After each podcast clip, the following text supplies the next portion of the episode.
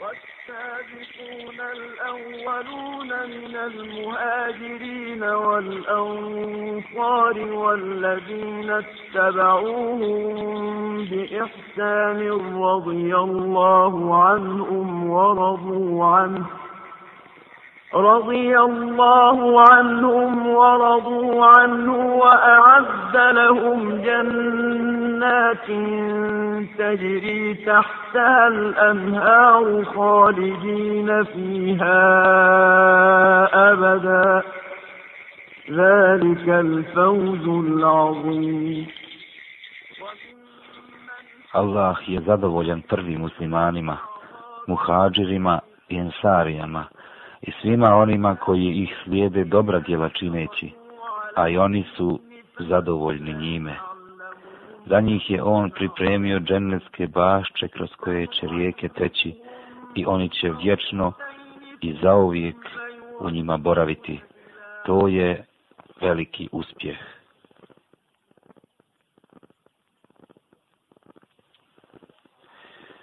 Bijaše od najuglednijih ljudi Meke u džahilijetu, pred islamskom periodu, visokog položaja, ogromnog bogatstva i brojnih blagodati. Skroman i veoma stidljiv, tako da ga njegov narod zavoli iskrenom i čistom ljubavlju, što je išlo dotle da bi žena iz plemena Kureji štepala i govorila svom malom djetetu, volim te sine kao što Osmana vole Kurejšije. Kada je Islam obasjao Meku svojim nurom, bijaše Osman među prvima koji požuriše tom neodoljivom svjetlu. Prelazak Osmana na Islam je veoma zanimljiva priča koju je šteta ne poznavati. Sve je započelo još u džahilijetu kada je Osman čuo da je Muhammed svoju kćerku, lijepu i plemenitu Rukaju, udao za svog Amidžića Utbu, sina Ebu Lehebova. Osman se kajao što nije preduhitrio utbu, pa od Muhammeda zaprosio njegovu kćer i tako postao njenim mužem. Došao u kući tužan i zamišljen.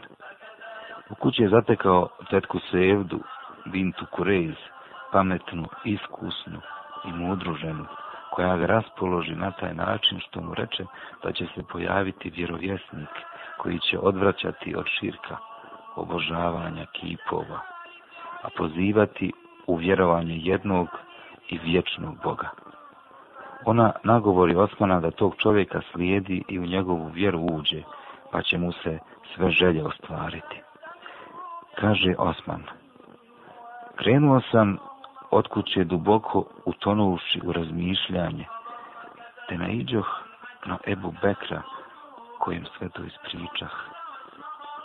On mi reče, o moj Osmane, a ti si čovjek zreo i razuman.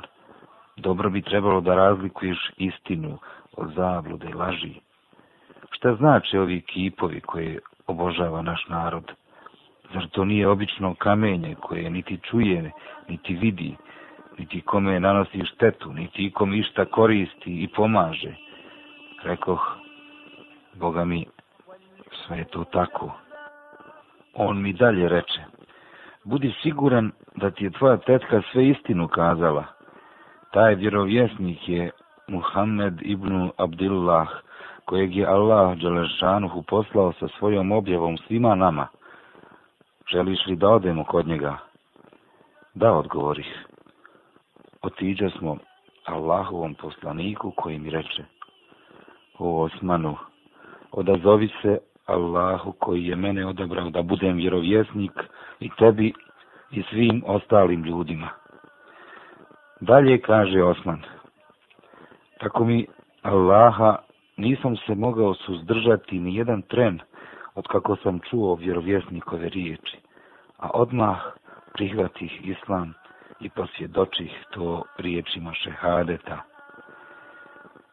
Nije mnogo prošlo prelaska Osmana neka je Allah zadovoljan njime na islam, a Allah objavi vjerovjesniku sljedeće ajete. Neka propadne Ebu Leheb i propao je. neće mu biti od koristi blago njegovo, ani ono što je stekao. Ući će on sigurno u vatru rasplamsalu. تبت يداك أبا الجهالة لم ترى عدما يقول لصفات الجبلاء تبت يداك أبا الجهالة لم ترى. عزما يقول بصفعة الجبلاء أبطاء مكة هل ذكرت بلالنا. أول ما أوفاك من بطحاء ضجت رمال البيد والزاد الآدى ما دل إيمان على الرمضاء To pojača mržnju i neprijateljstvo Ebu Leheba prema Muhammedu sallallahu alaihi ve sellem još više se razljuti na njega, te naredi sinu Utbi da se odmah razvede sa Rukajom, kćerkom Muhammedovom. Čim je Rukaja došla kući, Osman požuri vjerovjesniku, zaprosi od njega i tako je vjerovjesnik udade za Osmana, neka je Allah zadovoljan njime. Osman bijaše veoma lijep muškarac, od najljepših u plemenu Kurejiš, a Rukaja mu je u svemu bila ravna, tako da su ljudi, kada je došao dan njenog odlaska svom novom mužu, govorili ljepši par nije vidio insan, kao što je Rukaja i njen muž Osman. I pored ugleda u svom plemenu, nakon prelaska na islam, Osman ne bijaše lišen uznemiravanja i napada od strane svojih rođaka. Njegov amidža Ebu Hakem odluči da dobro kazni mladića i svoje porodice Abdu Šems, pa ga u njegovoj kući sveza, čvrsto stegnu veze i reče mu, hoćeš li da izađeš iz vjere svojih predaka i uđeš u neku novu vjeru? Boga mi neću te pustiti sve dok ti, ti tu svoju vjeru ne napustiš. Osman mu odgovori, tako mi Allaha nikad neću svoju vjeru napustiti niti se s njom rastati. Kada Hakem vidje čvrstinu i odlučnost u Osmanovim riječima, te njegovu vezanost za vjeru, izgubi volju da se s njim nadurava, odveza ga i pusti da radi što mu je drago. Ali Kurejšije su i dalje Osmana vrijeđali i uznemiravali, dotle da ga prisiliše da bježi sa svojom vjerom, tako da prvi koji učiniše hidžru u Abesiniju, bijahu on i njegova žena Rukaja. A dok ih je ispraćao i opraštao se s njima, vjerovjesnik je govorio, neka vas uzvišeni Allah čuva.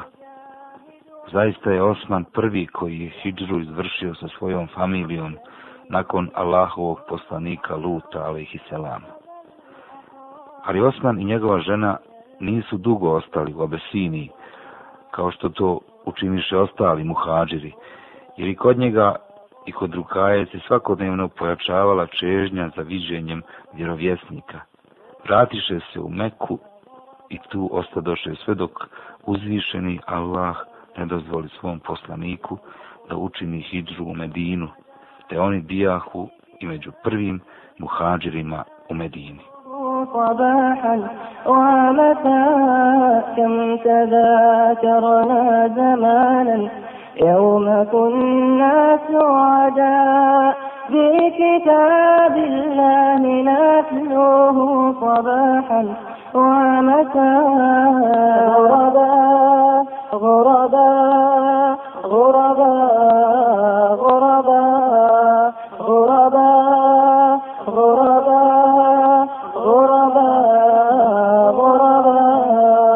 Osman ibn Afan je sa vjerovjesnikom učestvovao u svim pohodima i bitkama, sem bitke na Bedru. Izostao je sa dozvolom vjerovjesnika kako bi se našao pri ruci bolesnoj rukaji, neka je Allah zadovoljan njome. A kada se vjerovjesnik vratio sa Bedra, rukaja već bijaše otišla pred Allaha na bolji svijet. Muhammed sallallahu alejhi ve sellem je i Osmana uračunao u sudionike bitke na Bedru i dao mu dio plijena koji je dodjeljivan svim borcima. Onda za Osmana udade svoju drugu kćerku Ummi Kulsum, a Allah odredi da kratko proživi sa Osmanom, pa i ona preseli na Ahiret. Tada je vjerovjesnik rekao, kada bih imao i treću kćerku, dao bih je za Osmana ibn Afana. To je odlika i čast koja nije krasila nikog od ljudi ni prije ni poslije, jer historija poslanika ne bilježi da je jedan čovjek bio dvostruki zet jednog vjerovjesnika, kao što je to bio Osman, i zbog toga bi prozvan vlasnik dva svjetla. Prelazak Osmana na islam je i kako bio značajan za islam i muslimane, jer kada bi god vjera zapala u teškoću, on bi bio taj koji bi svojom pomoći tu teškoću ublažavao, a kada bi muslimani bili u kakvoj krizi, Osman je među prvima žurio da pomogne one najpotrebne.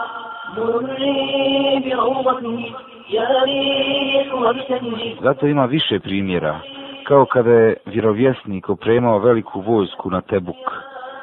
Bila je potreba za malom, sredstvima veća nego za ljudstvom. Protivnička vizantijska vojska bijaše brojna i veoma naoružana, a u Medini bijaše oskudica. Put je bio dalek i težak, obskrbe malo, a jahalica konja deva još manje. Bilo je dosta skaba koji nisu imali sredstava za pohod na Tebuk, pa su dolazili vjerovjesniku i molili ga da uzme ih sa sobom, ali časni poslanik nije imao mogućnosti da im obezbijedi jahalicu, ni konja, ni devu, te bi oni odlazili od njega, a oči bi im bile pune suza, žalosti, što ne mogu da idu u džihad, borbu na Allahovom putu.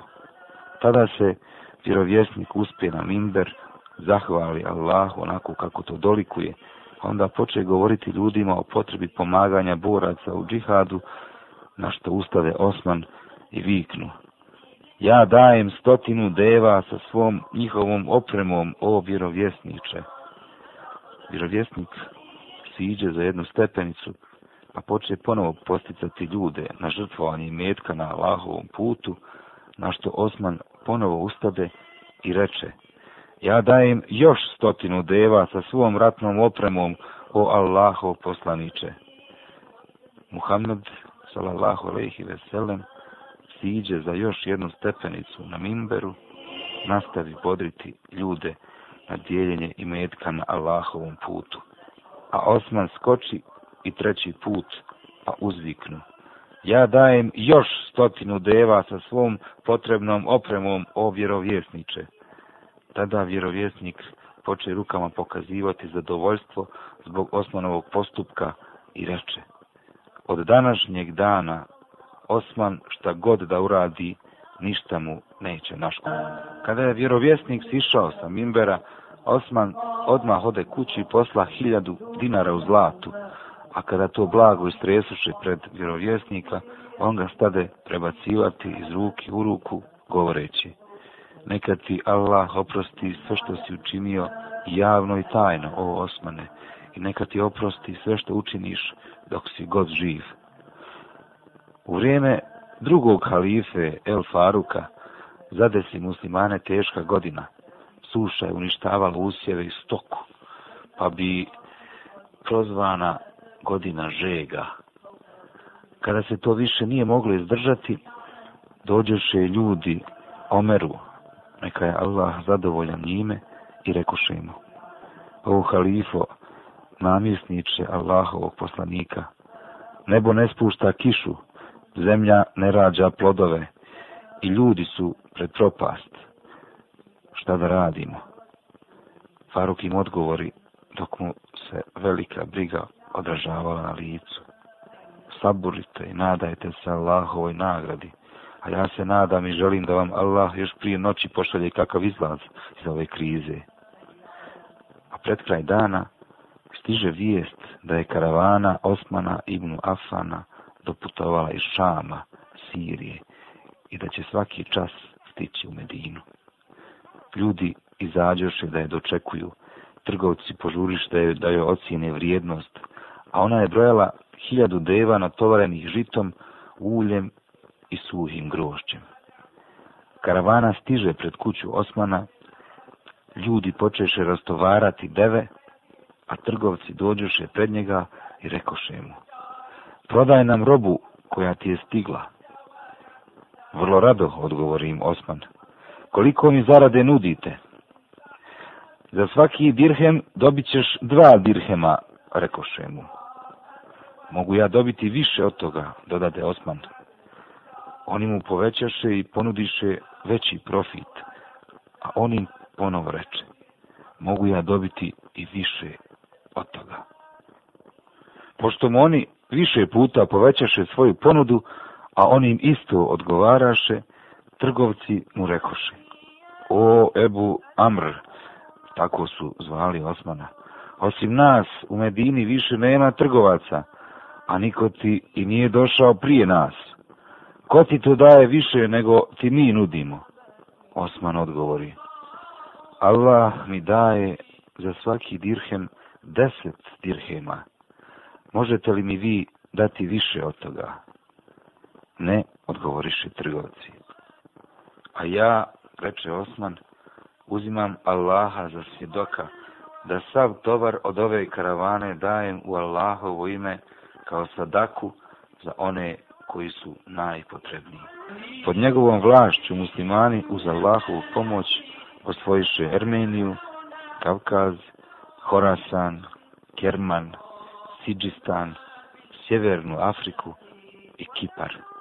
Ljudi su u njegovo vrijeme doživjeli takav spokoj blagodati, kakav nije doživio ni jedan narod, ni prije, ni poslije. Hasan el Basri priča. Vidio sam Telala u vrijeme halife Osmana, neka je Allah zadovoljan njime, kako viče. O ljudi, poranite radi svojih potreba, pa su ranili i sve postizali kako su zamislili. Vikao je, o ljudi, poranite radi svoje obskrbe i nafake, pa su ljudi ranili i sticali obskrbu bez imalo nedostataka. A Allaha mi, čuo sam ga i kako viče, poranite radi svoje odjeće, pa su ranili i razne ukrase sticali. Ili poranite radi masla i meda. Dalje nastavlja Hasan svoj opis zaričetnog perioda u kom je Osman bio halifa, pa kaže Toliko nafaka, nebrojeni hajr i lijep međuljudski odnos su bile odlike tog vremena, tako da se vjernik na zemlji nije bojao drugog vjernika, nego bi ga volio, pomagao i s njim se družio. Ali su se neki ljudi, kada su se svega nasitili, osilili i kad im je Allah dao obilje blagodati, oni ga zanijekaše. Prigovarali su Osmanu bezbroj stvari, da ih je i ko drugi činio, ne bi mu prigovarali da su ih htjeli da se zadrže samo na tim prebacivanjima, nisu mogli, jer je šeitan sve više i više u njihova srca unosio mržnju i razdor i njihove duše napajao svojim zlom. Tako da je velika skupina ensarijskih otpadnika opkolila njegovu kuću i ta tako ga u sred Medine držali u obruču oko 40 noći. Obustavili su mu slatku izvorsku vodu, a on je bio taj koji je za sve Medinelije kupio izvor Neuneh iz svog vlastitog imetka, da se svi iz njega napajaju, a prije toga nisu ni imali čiste izvorske vode. Spriječili su ga da namaz klanja u džami Allahovog poslanika, a on je iz svojih sredstava istu tu džamiju proširio da bi bila muslimanima prostranija nakon što im je postala pretjesna. Kada se to stanje još više pogorša i kad se vidje da će biti prolijevanja krvi, njemu u pomoć požuriše mnogi ashabi i njihovi sinovi, njih oko sedam stotina, među njima Abdullah ibn Umer, Abdullah ibn Zubeir, Hasan i Husein, Ebu Hureyre i mnogi, mnogi drugi. Ali Osman, neka je Allah zadovoljan njime, je više volio da bude prolivena njegova krv, nego da bude prolivena krv drugih ashaba koji bi ga branili i da ispusti dušu prije nego da doživi da se muslimani zbog njega međusobno ubijaju. Molio ih je da ga prepuste Allahovoj odredbi i govorio im je. Zaklinjem svakog onog na koga imam pravo da spusti svoje oružje i da se ne miješa u borbu. A svojim robovima je poručio, koji god od vas vrati sablju u korice, ja ga oslobađam radi Allahova zadovoljstva. Noć prije nego će biti ubijen halifa, Osman je usnio san kojem je vidio Allahovog poslanika, sallallahu alaihi ve sellem, i njegova dva druga, Ebu Bekra i Omera, pa je čuo kako mu vjerovjesnik govori. Iftari sa nama večeras, o Osmane. Tada Osman posta potpuno ubijeđen da će brzo ići pred Allaha Đelešanuhu, da će se uskoro sresti sa njegovim poslanikom. Taj dan Osman Osmanu postajeći. Naredi da mu donesu čakšire, a obično ih nije oblačio. Sada ih je obukao, bojeći se da mu se ne bi ukazao neki stidni dio tijela, kada ga zaluđeni griješnici ubiju. U petak, 18. dan mjeseca Zul Hidžeta, pored širom otvorenog Kur'ana osvanu mrtav, krvlju obliven pobožnjak, onaj koji bi stalno obnoć klanjao, a danju postio, koji je Dunjaluk Ahiretu podredio, koji je Kur'an sakupio i koji je dvostruki zet vjerovjesnikov bio. Za muslimane utjeha da među ubicama Osmana, neka je Allah zadovoljan njime, nije bilo ni jednog ashaba, niti sinova ashaba, osim jednog čovjeka koji je s njima u početku bio, ali se kasnije zastidio i napustio ih. Neka Allah Đelešanuhu kazni ubice Osmana, jer sablja koju su izvukli iz korica nije vraćena dok nije proliveno toliko muslimanske krvi koliko je to Allah htio i odredio i nema sile ni moći osim u Allaha silnog i mudrog.